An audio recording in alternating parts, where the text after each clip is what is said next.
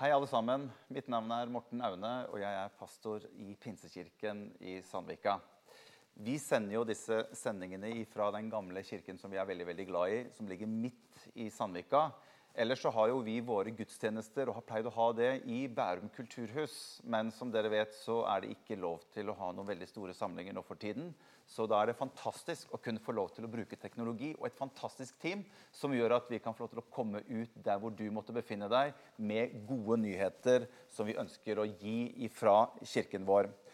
Vi har fått veldig mange gode tilbakemeldinger fra den sendingen som vi hadde forrige søndag. Og jeg vil bare oppmuntre deg til at hvis du opplever at disse sendingene gir deg noe, hvis du opplever at det berører deg på noen måte, så har vi veldig lyst til å høre ifra deg. Så send inn noe som gjør at vi kan få lov til å få litt tilbakemeldinger på hvordan disse sendingene berører deg på en eller annen måte.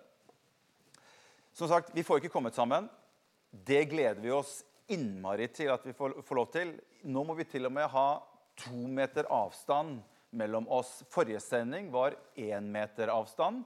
Så hvordan dette vil ende, det aner vi ikke. Men enn så lenge så ønsker vi å nå dere der hjemme.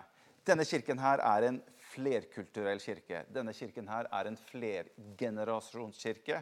Og det gjør at vi ønsker så langt som mulig å prøve å kommunisere det ut til dere hvilken type kirke som Pinsekirken i Sandvika er. Derfor så har jeg to utfordringer som jeg ønsker å utfordre. Spesielt dere som er pappaer og mammaer som i disse dager opplever at dere er tett innpå barna, barna er tett innpå dere, og det kan både være til glede og kanskje noen ganger til litt irritasjon og andre ting som følger med. Men jeg har lyst til å utfordre det til noe. Eh, for det første prøv å skape god atmosfære i hjemmet i disse dagene som vi har nå. Vær kanskje litt forsiktig med ord som vi foreldre snakker med. At ikke vi bruker ord som For et barn kan lett plukke opp ord som sies, følelser som er i rommet. At ikke vi skaper noe som gjør som fester seg i barna. Vi skal ha det godt hjemme. Skap en god atmosfære. Ha det gøy sammen. Og jeg vil bare oppmuntre dere hjemme til å gjøre det med barna deres. For det andre, vi som kirke vi har veldig mye bra stoff som vi legger ut på hjemmesiden vår, som dere som foreldre kan bruke i de dagene hvor dere er sammen med ungene. Så Du kan gå inn på vår hjemmeside på pinsekirken.org. og Der vil dere finne på Facebook-siden. for Vi har egen Facebook-side for barn. og Der finner dere masse bra materiale som dere kan bruke hjemme. Og jeg vil si, Du som er mamma og pappa, nå er det dere som er søndagsskolelærerne i en tid framover. Og jeg tror det er fantastisk fint, og jeg tror det vil være til velsignelse for barna deres. Og det vil være til velsignelse for dere å bruke noe av dette materialet og dele tro sammen med barna deres. Det tror jeg blir, er veldig, veldig bra. Ok. Eh, før dette rammet oss alle sammen, så var jo vi midt inne i en serie som eh, vi hadde startet på i kirken som eh, vi kalte for 'Det normale kristenliv'. Vi fikk hatt to søndager før koronaviruset rammet oss, og vi hadde egentlig en søndag igjen.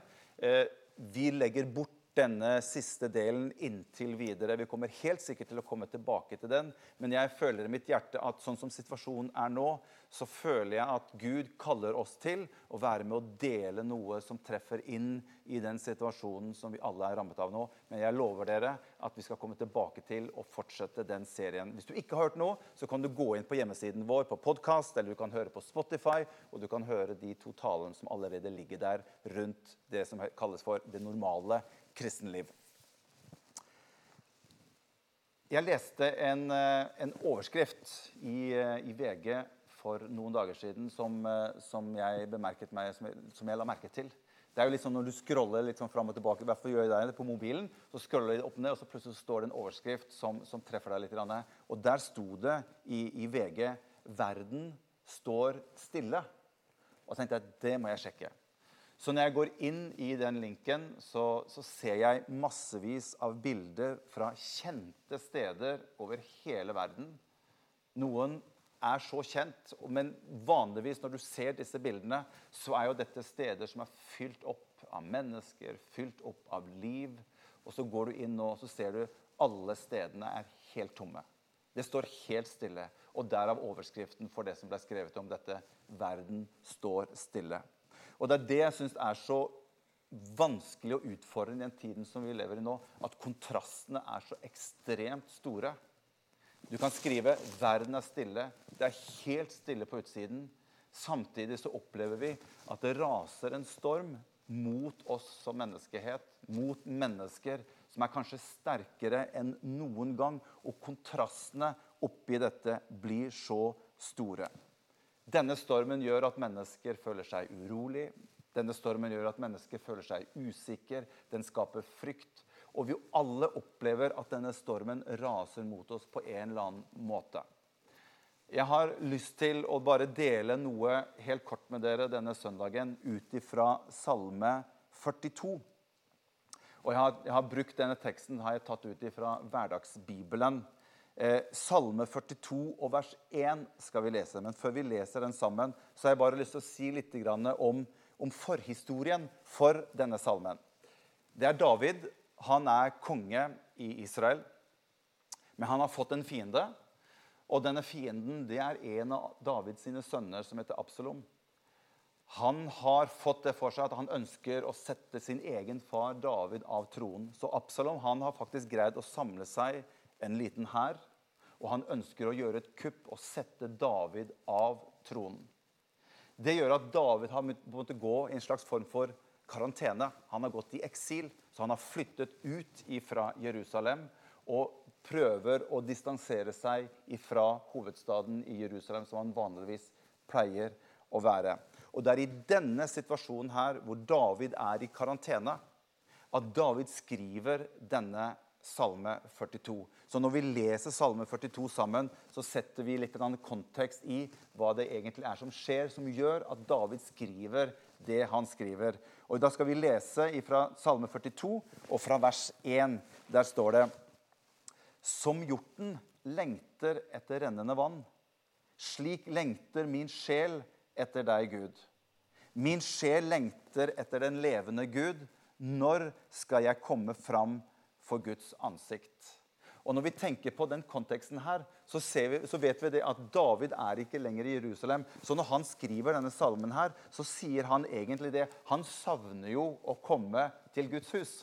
Han har en fiende på utsiden som prøver å få tak på han, og han kan ikke komme til Guds hus, og han begynner å savne å komme sammen. Og Det kan jo vi som er vant med å gå i kirken på søndager, det kan vi liksom kjenne litt på nå.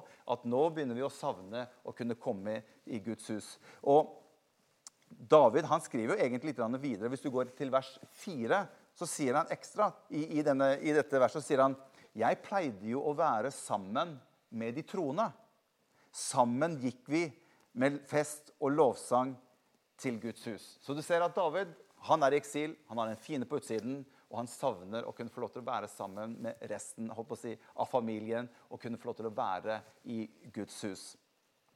Men det er mer i denne teksten som David eh, nevner her i, i, i, Salme 42, som jeg opplever at David ønsker å dele i denne salmen, som er utfordrende, og som jeg ønsker bare å dele litt med. Og David han er egentlig litt ærlig i denne teksten når han skriver i Salme 42. For hvis du, de, hvis du leser i første del av vers 4, så sier David 'Jeg har grått Dag og natt, sier han. Mine tårer spør, hvor er din Gud? Og når jeg tenker på dette, øser jeg ut mine bønner til deg. Jeg har grått dag og natt, og mine tårer spør, hvor er din Gud? Så du ser her at David han jobber skikkelig med disse negative tankene når han sitter i karantene, når han sitter i eksil med disse negative tankene som surrer rundt i hodet på han dag og natt. Og det gjør David litt nedstemt. Og det som er at Når du og jeg blir nedstemt i vårt sinn, i våre tanker, i våre følelser, så er det ikke bare jeg som blir nedstemt, men det har en tendens til at de rundt meg også kan bli nedstemt. Og Det som er vanskelig oppi dette, det er at når du og jeg begynner å gå litt på den veien, og vi begynner å bli nedstemt, det er da den onde kan komme inn. Og det gir han en ypperlig mulighet til å hoppe inn og forsterke de følelsene. Forsterke den uroen, forsterke den stormen som vi opplever at vi står midt oppi. Det er jo litt rar beskrivelse, synes jeg, når jeg, når jeg leser Salme 42. er det en litt rar beskrivelse av hvordan tårer fungerer. For hvis du leser, så sier han 'mine tårer spør'. Jeg skjønner liksom ikke helt hva, hva er det David egentlig mener her når han skriver at 'mine tårer spør'. Hva er disse tårene David snakker om? Eller hvem er disse tårene som David snakker om? For David skriver i vers 9 Da skriver han Hvorfor sørger jeg over fiendens undertrykkelse? Det er som mine bein blir knust når mine fiender håner meg. Hele dagen sier de til meg, 'Hvor er din Gud?' Så her svarer egentlig David med hva disse tårene er, og hvordan de tårene kan snakke til han. For han sier det her eh, han sier, 'Hvorfor sørger jeg over fiendens undertrykkelse?' Det er som mine ben blir knust når mine fiender håner meg. Og så sier han, 'Hele dagen er det de som sier til meg, 'Hvor er din Gud?' Og jeg tenker at Det er noe av det vi opplever disse dagene her. At den onde kan også komme inn og snakke til deg og meg og fortelle 'Hvor er din Gud nå?' Hvor er din Gud nå? Er og det er denne kampen som David opplever at han står midt oppi når han er i denne karantenen.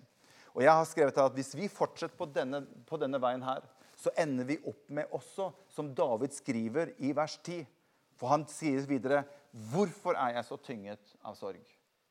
Og hvorfor er hjertet mitt så trist? Hør.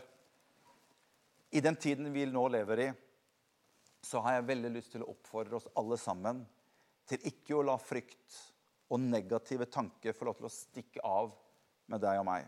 Og jeg har skrevet her La Guds ord få lov til å få rikelig plass hos deg og meg. Fyll deg med Guds ord. Fyll deg med hans atmosfære. Og la det få lov til å komme ut av din munn. La oss være forsiktige med de ord som vi snakker, at ikke frykt kommer inn, at ikke den onde får lov til å komme inn og skape mer frykt i livene våre. Og det er det David kjemper med hele tiden. Hvorfor er jeg så tynget av sorg, og hvorfor er hjertet mitt så trist? Jo, det er jo nettopp det. Han opplever at den fienden prøver å undertrykke han i den tiden han lever i. Og vi, vi ser ikke blindt på det som er rundt oss, men jeg ønsker like at jeg skal oppleve en frihet, jeg skal oppleve en fred på innsiden, selv om vi opplever at ting på utsiden er vanskelig. Og så sier David noe fantastisk som vi skal avslutte med nå. Han sier i vers 11, og da retter David opp ryggen. Og så begynner han å, å, å ta liksom, si, situasjonen litt i eie selv. Og så sier han noe fantastisk i vers 11. Jeg vil sette mitt håp til Gud. For jeg skal fortsette å prise Han, min frelser og min Gud. Og det vil være mitt ord til dere. La oss sette vårt håp til Gud i denne tiden. La oss fortsette å prise Han, som er vår frelser, og som er vår Gud. Og han har sagt, 'Jeg skal være med dere hver eneste dag inntil verdens ende'. Og Jeg har lyst til at vi skal be litt til slutt. Kjære Jesus, jeg takker deg.